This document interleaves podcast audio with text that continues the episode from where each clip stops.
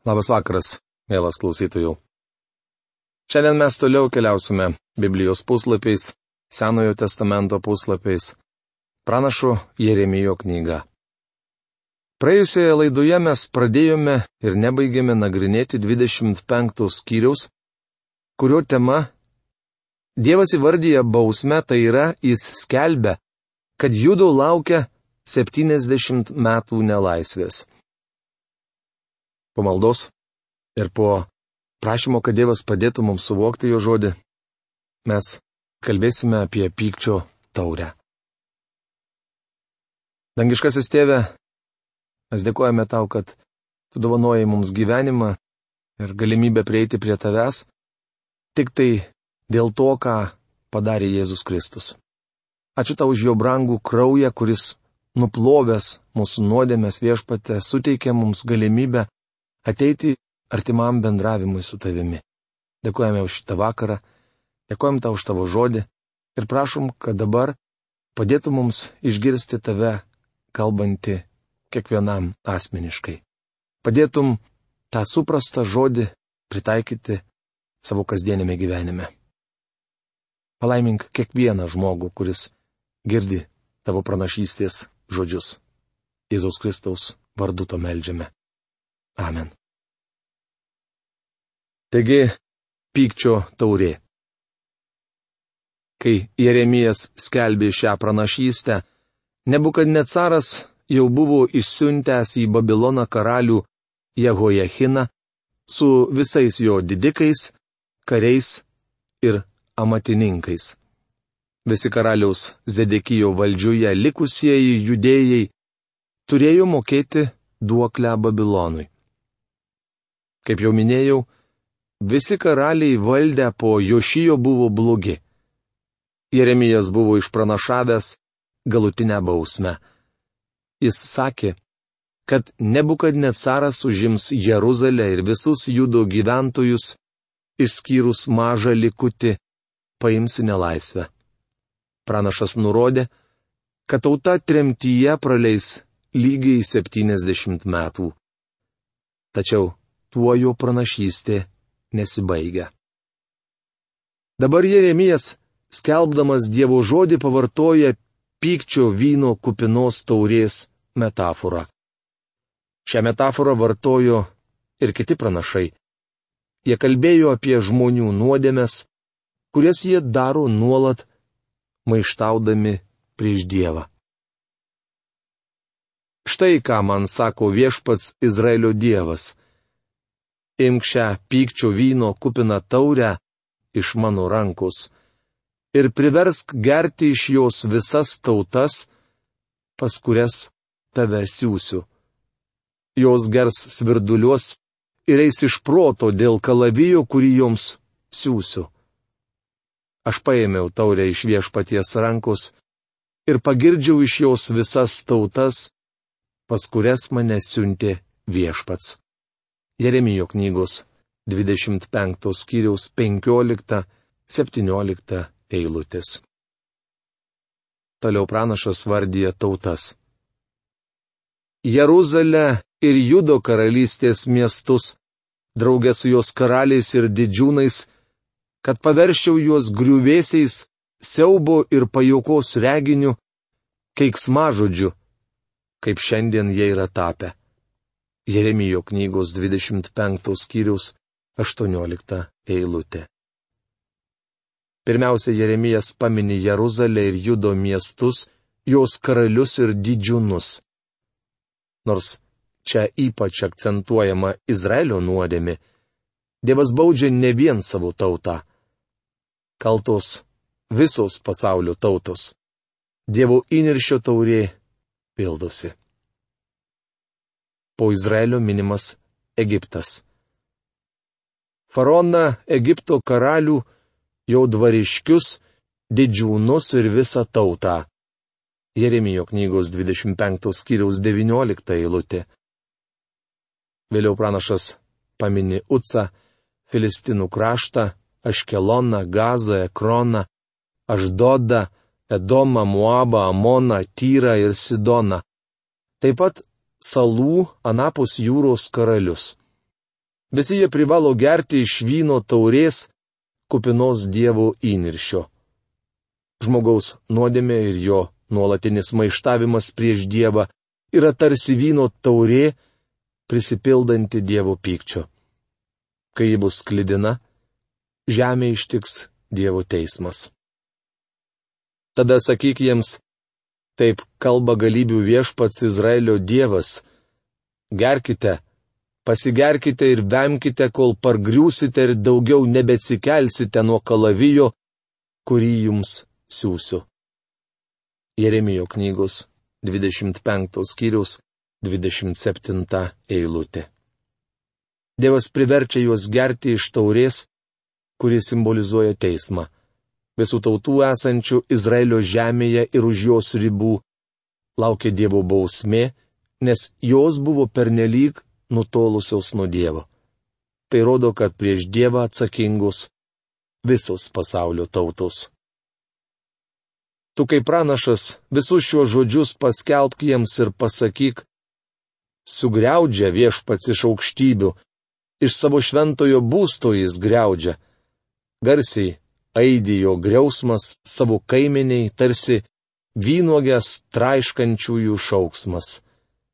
Jeremijo knygos 25 skyriaus 30 eilutė. Pranašas skelbė, kad bausmė palies ne vien Izraelį. Jau minėjau, kad Babilonas buvo Dievo bausmės įrankiu.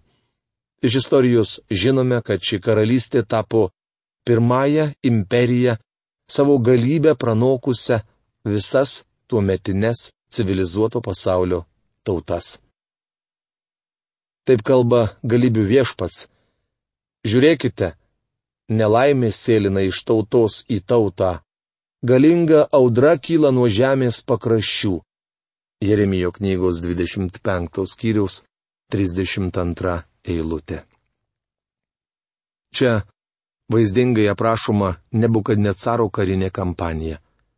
Pražygiavęs per visą civilizuotą nuo metų pasaulį, jis pavirgė net galingą į Egiptą ir tyrą su Sidonu. Paskutinėse šios skyriaus eilutėse aprašomos tautų ir ganytojų, tai yra karalių, aimanos, viešpaties įniršio diena. Jeremijo knygos 26-28 skyriai. Tema Jehojakimo valdymo dienomis Jeremijas skelbė žinę iš Dievo, stovėdama šventyklos kieme. Palyginimas apie du jungus.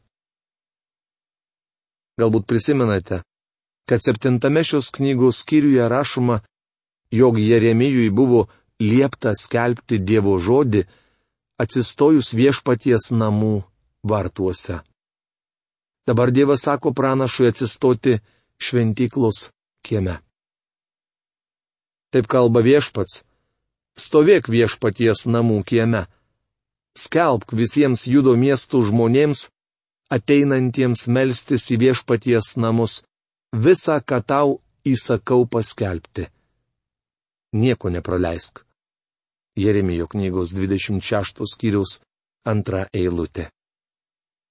Šią žinę Jeremijas jau skelbė Jehojakimo valdymo dienomis, o atėjusi valdžia Zedekėjų ją pakartojo. Nuo 26 iki 30 skyriaus užrašyti paskutiniai Dievo žodžiai prieš tautai patenkant į nelaisvę. Manau, kad tuo metu žmonės, kaip kitados, tebe lankė šventyklą. Jie dėjosi garbiną Dievą. Kraštas klestėjo ir regis, niekas didesnio nepasitenkinimo nereiškė. Iš pirmo žvilgsnio susidaro įspūdis, kad pranašaudamas judui bausmę Dievas elgėsi ambicingai ir kerštingai. Tačiau iš tikrųjų tauta buvo toli nuo Dievo ir gyveno nuodėmėje. Jeremijas turėjo toliau raginti juos sugrįžti pas viešpatį. Galbūt jie paklausys ir sugrįž iš savo nedoro kelio. Tuomet apgailėsiu ir aš savo mintį apie nelaimę, kurią ketinu juos bausti už nedorus darbus. Jeremijo knygos 26 skyriaus trečia eilutė. Tuomet apgailėsiu ir aš savo mintį apie nelaimę. Jis nesako, kad persigalvos, bet leidžia tautai pasikeisti. Dievas sako, kad jei judų gyventojai pasikeis, jis nebaus jų, bet laimins. Atrodytų, kad Dievas sako persigalvosęs, tačiau jis visuomet baudžia nuodėmę ir atleidžia kiekvienam nusidėjėliui, kuris ateina pas jį. Mielas bičiuli, taip buvo, yra ir bus. Kai nusidėjėlis, kuriam grėsė Dievo teismas, atsigręžia į Dievą, patiria jo palaiminimus ir įgyja išgelbėjimą, atrodo, kad Dievas persigalvojo. Tačiau iš tikrųjų persigalvojo nusidėjėlis. Dievas sako savo tautai, kad jei jį pasikeis, jis jos nebaus, ir nesunaikins. Sakyk jiems. Taip kalba viešpats. Jei neklausysite manęs, neselgsite pagal mokymą, kurį jums daviau, neklausysite žodžių mano tarnų pranašų, kuriuos siunčiu primiktinai ir be perstojo, nors niekada jų ir neklausėte. Tai pasielgsiu su šiais namais kaip su šiloju, o šį miestą padarysiu keiksmažodžių visoms žemės tautoms. Jeremijo knygos 26 skyrius 4-6 eilutės. Dievas sako, kad pasielgs su šiais namais kaip su šiloju. Iš istorijos žinome, kad šilojas buvo sunaikintas. O šį miestą padarysiu keiksmažodžių visoms žemės tautoms. Jeruzalė jau ilgą laiką yra našta šiam pasauliui. Šiandien ji net nepriklauso Izraelio tautai. Kaip žinote, šis miestas yra padalintas. Dievas sako, kad padarys Jeruzalę našta visoms tautoms. Reikia pasakyti, kad jis ištesėjo savo žodį.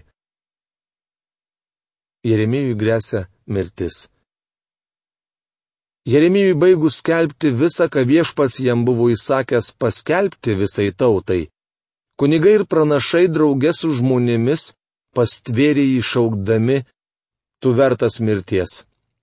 Jeremijo knygos 26 skyriaus 8 eilutė. Kaip matote, reikalai blogėja. Žmonės ilgą laiką priešinėsi Dievo žiniai, kurią skelbė pranašas Jeremijas, dabar nusprendė jį nužudyti situacija buvo gana rimta. Čia paminėtos trys visuomenės grupės - didžiūnai, kunigai bei pranašai ir žmonės. Kunigai ir pranašai pareiškė didžiūnams ir visai miniai, ta žmogus turi būti nubaustas mirtimi, nes kaip patys savo ausimis girdėjote, pranašavo prieš šį miestą. Jeremijo knygos 26 skyrius 11 eilutė. Kunigai ir pranašai buvo iš vien. Jie nusprendė, kad Jeremijas turi mirti. Šio klausimu jų nusistatymas niekada nepasikeitė. Tačiau didžiūnai buvo linkę išklausyti Jeremiją. Žmonės, kurie anksčiau laikėsi tokio pat nusistatymo kaip kunigai ir didžiūnai, dabar stojo didžiūnų pusin. Jeremijas atsakė didžiūnams ir visiems žmonėms Pats viešpats pasiuntė mane pranašauti šiems namams ir šiam miestui visą, ką jūs girdėjote. O dabar taisykite savo kelius ir darbus, klausykite viešpaties savo Dievo balso, kad viešpats apgailėtų savo mintį apie nelaimę, kurią jums grasina. Jeremijo knygos 26 skyrius 12-13 eilutės. Pranašas paaiškina, kodėl Dievas ketina nubausti savo tautą. Neužmirškime, kad Jeremijo pranašystė apie miesto ir šventyklos sunaikinimą buvo laikoma šventvagyste. Kitaip tariant, žmonės pranašą laikė eretiku. Netikri pranašai tvirtino, kad Dievas neleis šventyklai sugriūti. Juk tai jo šventykla, o Jeruzalė jo miestas. Tad kaip Dievas galėtų leisti priešų ją sunaikinti? Jeremijas sakė, atskirdami religiją nuo gyvenimo būdo jūs labai klystate. Ta pati problema būdinga ir daugeliui fundamentalių įsitikinimų besilaikančių krikščionių. Jie Dievo žodį padaro ko nestabu. Patikėkite, aš pats esu fundamentalios doktrinos šalininkas ir skleidėjas. Žmonės kalba, kad mano fundamentalumas liejasi per kraštus. Tačiau noriu pasakyti, kad neteisinga gyvenimo būdą atskirti nuo savo tikėjimo, kad ir koks fundamentalus jis būtų. Dažnas žmogus religiją ir Dievo žodį paverčia savotišku sėkmės amuletu. Tai man primena istoriją apie kareivį, kuris visuomet kišenėje nešiojasi naująjį testamentą. Priešo kulka pataikė tiesiai į knygą ir tokiu būdu vaikinas liko gyvas. Jis buvo per plauką nuo mirties, tačiau Naujasis testamentas išgelbėjo jam gyvybę. Aišku, knyga sulaikė kulką ne todėl, kad tai buvo Naujasis testamentas. Ta pati būtų padariusi bet kuri kita knyga. Dar kartą pabrėžiu, kad kvaila Dievo žodį paversti garbinimo objektu. Bičiuli, mes negalime atskirti gyvenimo būdo nuo Dievo žodžio mokymo ir tikėtis jo palaiminimu. Ta darė netikri pranašai Ir šiandien daugelis žmonių sako, aš laikausi fundamentalaus mokslo, todėl man negali nutikti nieko blogo. Deja, turiu Jums pasakyti, kad gali. Jei nusigręšime nuo Dievo, Jis mus baus. Dar sėki norėčiau atkreipti Jūsų dėmesį į įdomų faktą. Kunigai ir netikri pranašai nepakeitė savo nuomonės, tai yra jie ir toliau troško Jeremijo mirties didžiūnai persigalvojo ir tai išgelbėjo pranašo gyvybę. Jie buvo linkę išklausyti Jeremiją. Iš patirties žinau, kad sukta ir suniekšėjusi valdančioji dvasininkyje yra kur kas piktesnė už suktus ir suniekšėjusius politikus. Blogai, kai pasaulietinė valdžia pamilsta nedorybę. Tačiau kur kas blogiau, kai ji užvaldo religinių vadovų širdis. Norėčiau Jums priminti, kad viešpati Jėzų nukryžiavo kunigai. Religiniai vadovai reikalavo Kristaus mirties. Jie sukurstė minę šaukti ant kryžiaus jį. Kaip matome, Jeremijo laikais religiniai vadovai taip pat buvo pasirengę nužudyti Dievo pranašą. Čia išriškėja dar vienas klaidingas įsitikinimas. Šiandien sakoma voks populi, voks dei, tai yra liaudės balsas, Dievo balsas. Daugelis žmonių tiki, jog taip ir yra. Viešąją nuomonę jie laiko didžiausiu autoritetu. Tačiau plačioji masė tai yra minė nepastovių žmonių, kurie seka čia vieną televizijos žvaigždę, čia kitą. Jei išrink žmogų į aukštas valstybinės pareigas, jei tik šis bus pakankamai iškalbingas ir turės humoro jausmą, nesvarbu, kad tai didžiausias kvailys ar paleistuvis. Tautos nuomonė yra blogiausias autoritetas. Dėkui Dievui, jis neleis pasauliui balsuoti dėl viešpatės Jėzaus paskyrimo į sostą. Jei Dievas leistų žmonėms rinktis, Jėzui Kristui niekada nebūtų suteikta galimybė įsteigti savoje karalystę.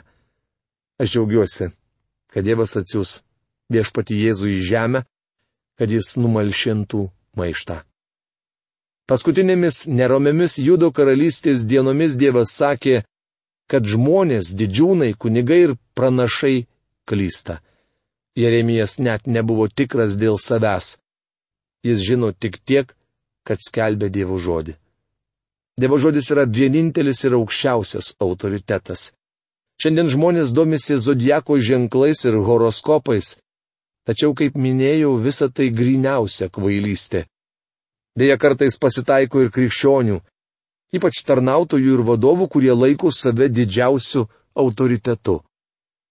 Man patinka Jeremijo knyga, nes kuo daugiau studijuoju Dievo žodį, juo aiškiau suprantu, kad jo neišmanau.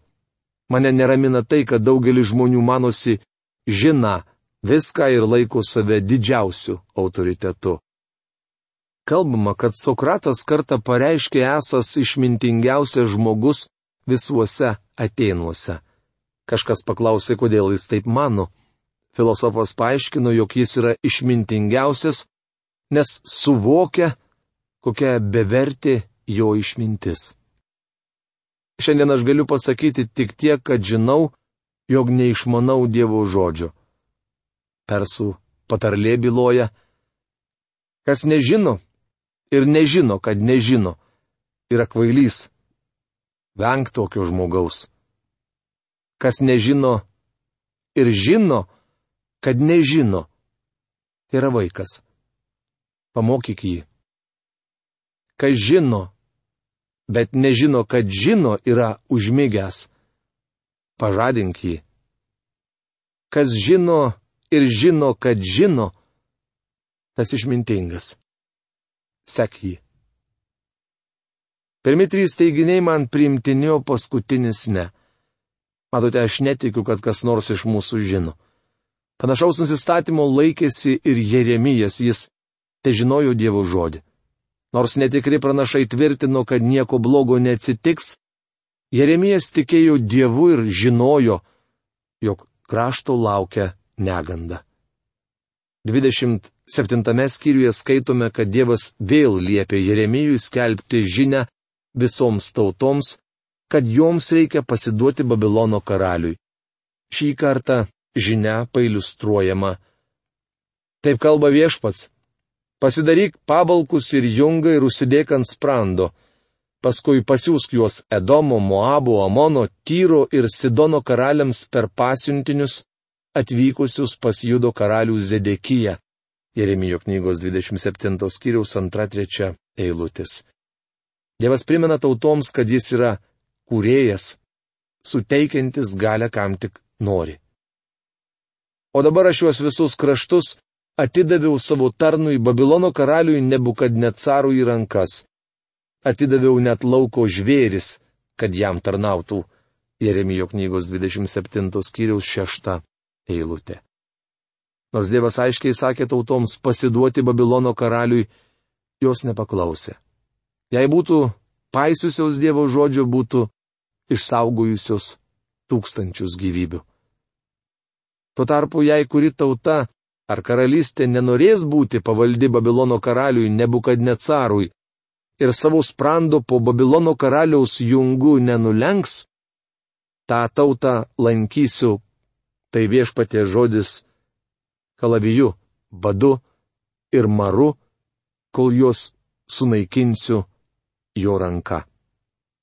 Jeremijo knygos 27 skyriaus 8. Paskutinė šiandien mūsų apžvalgos eilutė. 28 šios knygos skyrių pradėsime nagrinėti kitoje mūsų laidoje. Tad iki malonaus susitikimo. Sudė.